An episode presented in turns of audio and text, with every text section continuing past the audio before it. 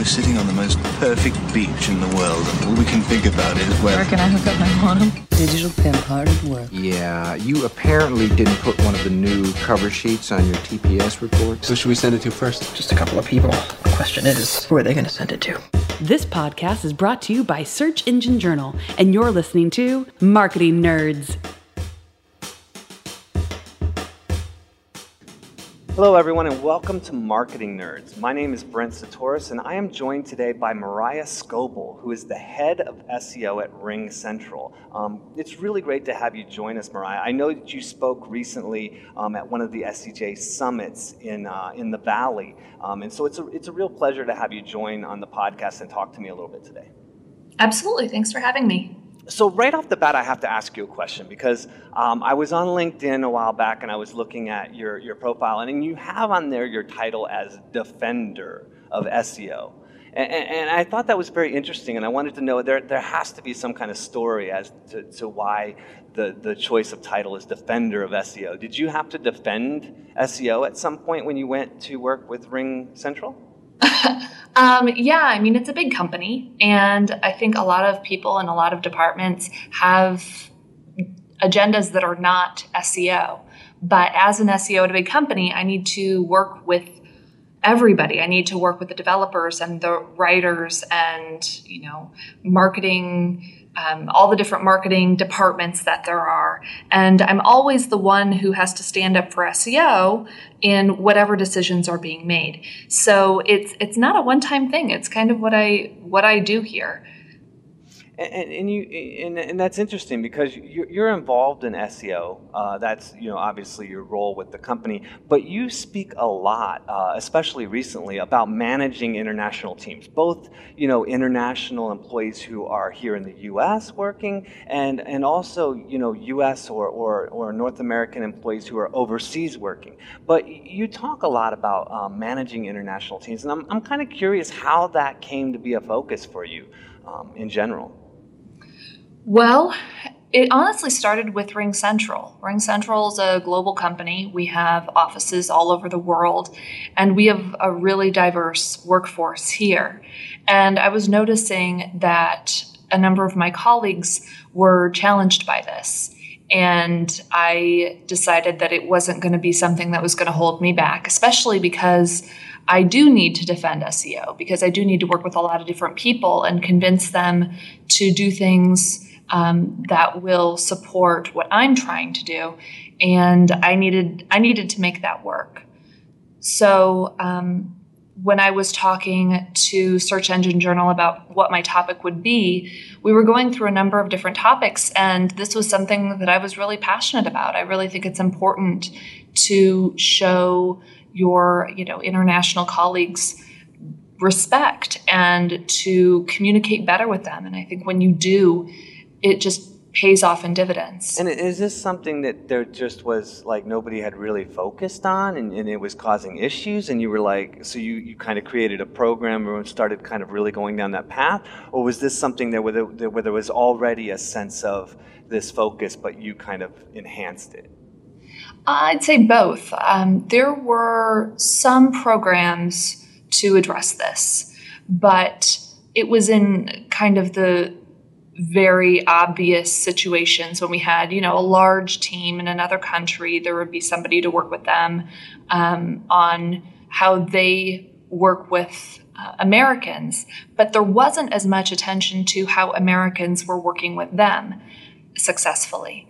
And um, also, I don't think there was really any attention, at least with not not with the people that I was working with, to focus on how people from other countries were being treated here by people who, who were originally from the US. There just wasn't um, any attention on how to communicate with them effectively. So instead, there was just a lot of miscommunication, a lot of frustration.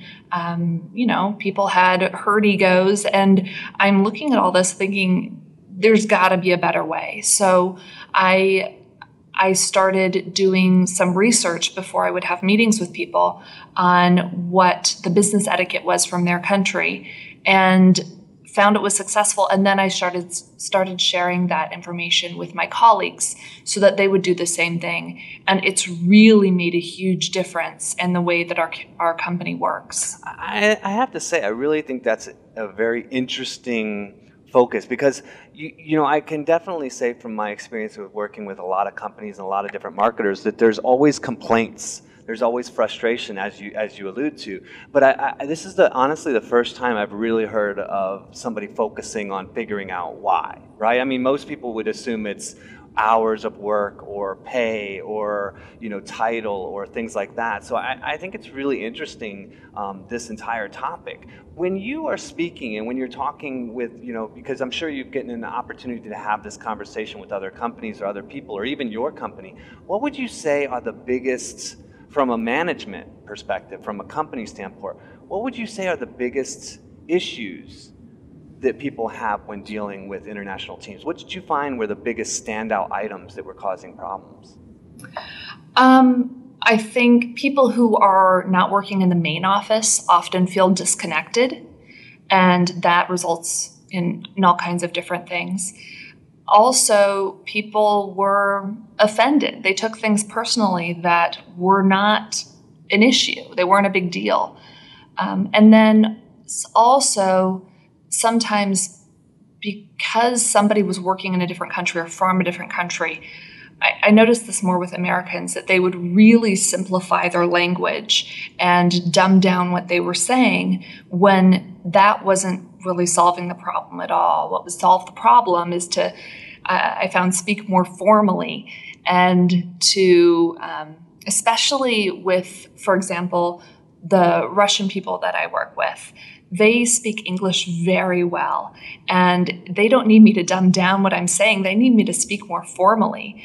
Um, the English that they learned is is much more formal than the English that I would normally speak. So that was the solution. Um, definitely not to dumb it down. I, I think that's hilarious because we, we talk so much about just, you know, how in this country, how we kind of take for granted and we think that, you know, we're, you know, smarter or better. And it's funny that the real issue would be is that not that you know that we as as English speakers are not speaking good enough English. Um, yeah. and that would cause communication issues. It, it, it sounds so accurate, but shocking at the same time. And the funny thing is, I learned this with one of my Russian friends. We had this big argument when we were in college about um, he had a his own business and he had a website, and he wanted to put um, something about his fax number on his website. And he said that he was going to use the word transmit your fax with this number. And I'm like, no, just say fax this number. He said, no, that's incorrect. And we had this big argument. Um, and that was kind of the first time that I realized that the problem is not that you know his English is not good. The problem is that we just have um, Americans often have a much more casual way of speaking. That's very interesting. That's interesting. And what would you say from the flip side if you're dealing with you know employees that you've talked to? Um, what is it that's their biggest kind of issue with these communication problems, or not just necessarily communication problems, but cultural and everything? What do you think are their biggest touch points? Um, I think they're well, I've noticed a couple of different things. I think um, feeling disconnected is, again, is one of those issues. Feeling like they're not part of the team because they're abroad. Uh, and that's definitely an important thing to address. Another thing that some people who don't speak English as their first language and it's their second or third language, they have talked to me about how they wish people spoke more slowly. And it's not, again, it's not because they're not intelligent, it's just because they have, they need to take the time to translate English into their native language. Um, that was something that I have had other conversations about. And so you talk about this on both sides now, this kind of feeling of not being a part of the team. And, and I think that that, uh, you know, has to be something that builds over time and causes people to quit or it causes tension or causes, you know, issues with the work product, productivity or quality. How, how do you propose companies kind of deal with that? How do they deal with keeping the, the, the employees feeling a part of the team and a part of the office? I'd say, first of all, to communicate regularly, communicate face to face, have online meetings with video so that you can look at these people that you work with and meet in person as often as you can. I'd recommend about twice a year to meet in person. Another thing that I think is really important is to not refer to the people that you work with in your office as us and we, and the other office as them but instead, if you're talking about your whole team, no matter where they are, talk about we and us. Um, and I think just using that language, everybody feels much more included in the company and whatever you're doing. So one of the things that, that we've done um, as a part of Search Engine Journal, because we have a lot of um, you know international employees, is is that we've tried to fly people in every year to get together and actually spend time face to face, like in person. Do you think that that's something that companies should make a stronger effort to accomplish, even if not bringing them out here, maybe somebody making a trip out to an office or out to an area to actually meet with somebody? Do you think that really helps a lot, or do you think it's it's just a bonus? No, I think it's really important. I think it um, really shows that that you value the relationship um, spending physical time with people, you know, whether it's your friends or your family or your colleagues, it, it says something when you want to really spend time with them. It's a really good message. Yeah, I, I agree definitely. Um, uh, one of the, the things you mentioned uh, in, in one of your presentations that I was looking at was this concept of mirroring. And, and, and I found myself not quite really understanding what you meant by that. Can you explain to me the tactic of mirroring and what exactly that means and how, how would you really actually do that? Sure. So when I'm going to have a meeting with somebody from another country, I would often first start with research, and I would research as much as I can about with about the business etiquette from that country, and then I would look for um, common themes and try to get the essence of what all of that all of that advice is saying. And then when i'm in the meeting with them i try those things but ultimately i usually fall back on mirroring them um, following their lead. However they're communicating with me to communicate with them. Again keeping it polite and respectful um, and not you know, doing it in any kind of mocking way. But if, you know, if they are, especially if they're suggesting that you do something in particular, um, like you should sit down, or you know, they they decide to start with small talk or something, I'll just follow their lead and do it the way that they're doing it. it generally, we all communicate the way that we want to be communicated with.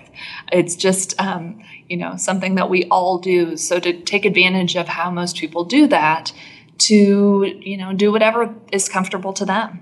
Now, now you talk about um, a lot of these different tactics, and I think that you know anybody who's listening this would probably say that makes sense. You know, um, you know, all of these things make sense, and it, it seems like this is what you should do. But I, am sure there's got to be some people who are thinking research, spending time and energy. I don't have time to sit down and research. I don't have time to, to, to go out of my way like this when I'm trying to deal with a developer. Or I'm trying to deal with somebody. Um, you know when it comes to the, the, the time that you start doing this, do you think that really people should be making this effort all the time, or do you wait until you see a sort of problem in the communication? Is this something that you do, you know, uh, in a, in a, ahead of issues coming, or is this something you do kind of like post issue to kind of resolve it?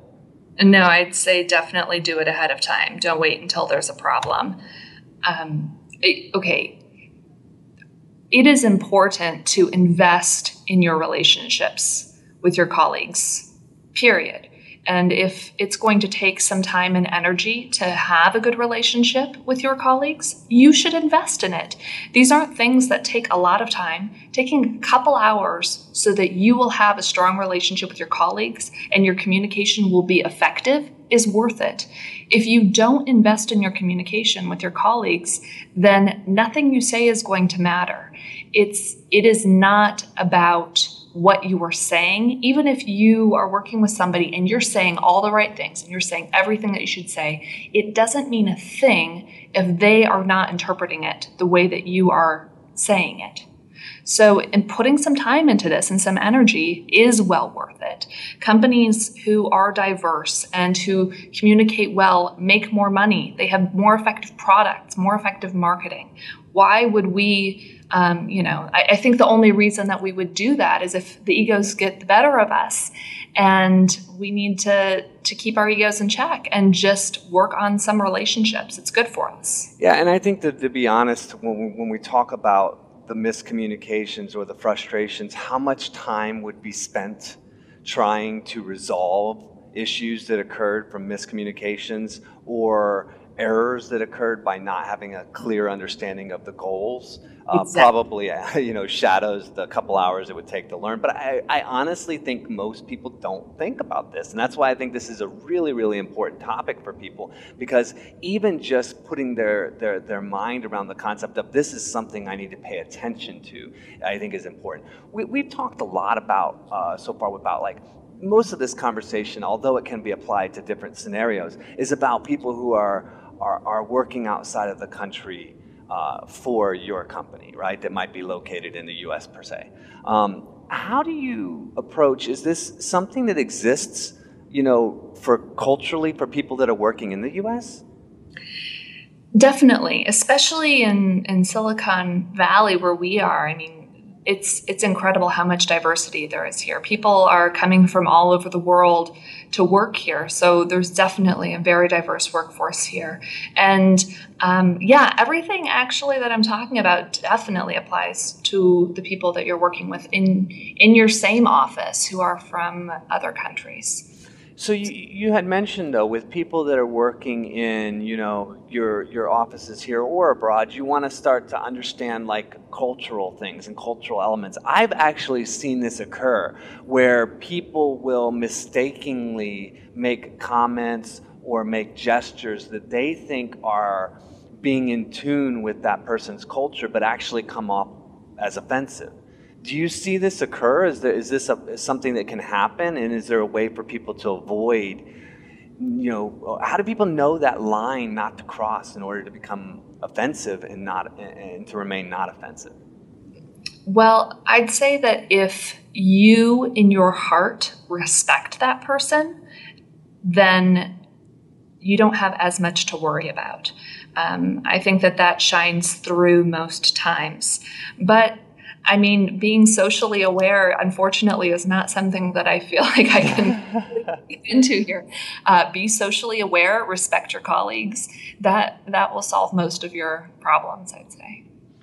And so with, with this, do you actually come up with, you know, material? Do you actually come up with training programs for other employees? Is this something that you've taken as far as to create an actual niche out of this? Or is this just something that you tend to practice and, and share a little bit of your learnings with from time to time?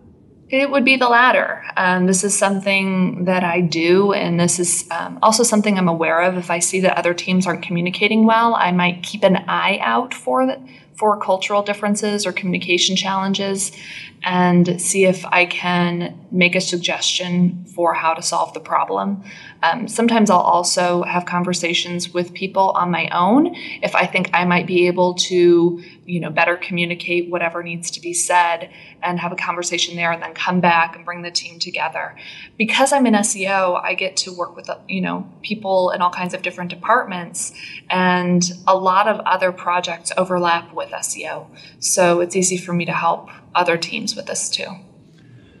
So, with that in mind, with, with, what you're working on, if there's listeners right now who are like, man, you know, I totally need to get on board with this, what would you give like the first couple things for somebody to do, for a company to start approaching this? What would you suggest, maybe two or three things they can do today to start moving along this path?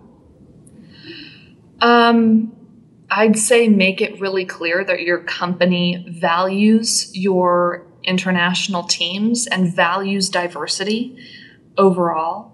Um, and I would also put more of an emphasis on communication and maybe management workshops and make sure that everybody's really trying hard to communicate well with each other. Beyond that, um, there are programs that companies have instilled. I know Yahoo has an excellent program um, about how to work with international teams that they've rolled out. And doing research, uh, possibly a training person would do some research about how to work with the various teams that they have all over the world and make sure that everyone's educated on how to work with those teams if they have to. So it's, I mean, it's not rocket science, but I think there does need to be a, um, you know, a deep seated value of respecting each other and having excellent communication with each other, and that'll go a long way. So, if people wanted to, and I'm, I, you're a pretty uh, easy to approach person, um, if people wanted to reach out to you, they wanted to contact you, they wanted to follow you, give me a couple places that people can find you and how they can get in touch with you. Well, my Twitter handle is Symbiocracy. Um, sorry, I'll have to spell that one. It's S Y M B I O C R A C Y. And um, I guess I could be reached also at mariah at symbiocracy.com. And symbiocracy is what now? um, well, I consulted under that brand for a few years. So that was what I set up for that. It's, it's a word that I made up that means a symbiotic way of thinking. Oh, nice, I like that. So we'll make sure that we get everything with the links and everything on the on the recap. You know, I I really think this is an important topic. Um, I really hope that people got a lot of value out of this and that people really take it to heart and, and move forward. And I want to really thank you for you know you know for one for joining me, but also for bringing to light something that I think a lot of people can can really find valuable. Absolutely. Thank you so much. Thanks, Mariah. This Marketing Nerds podcast has been brought to you by Search Engine Journal. For more news, interviews, and how to guides from marketing experts from around the world, visit us at searchenginejournal.com.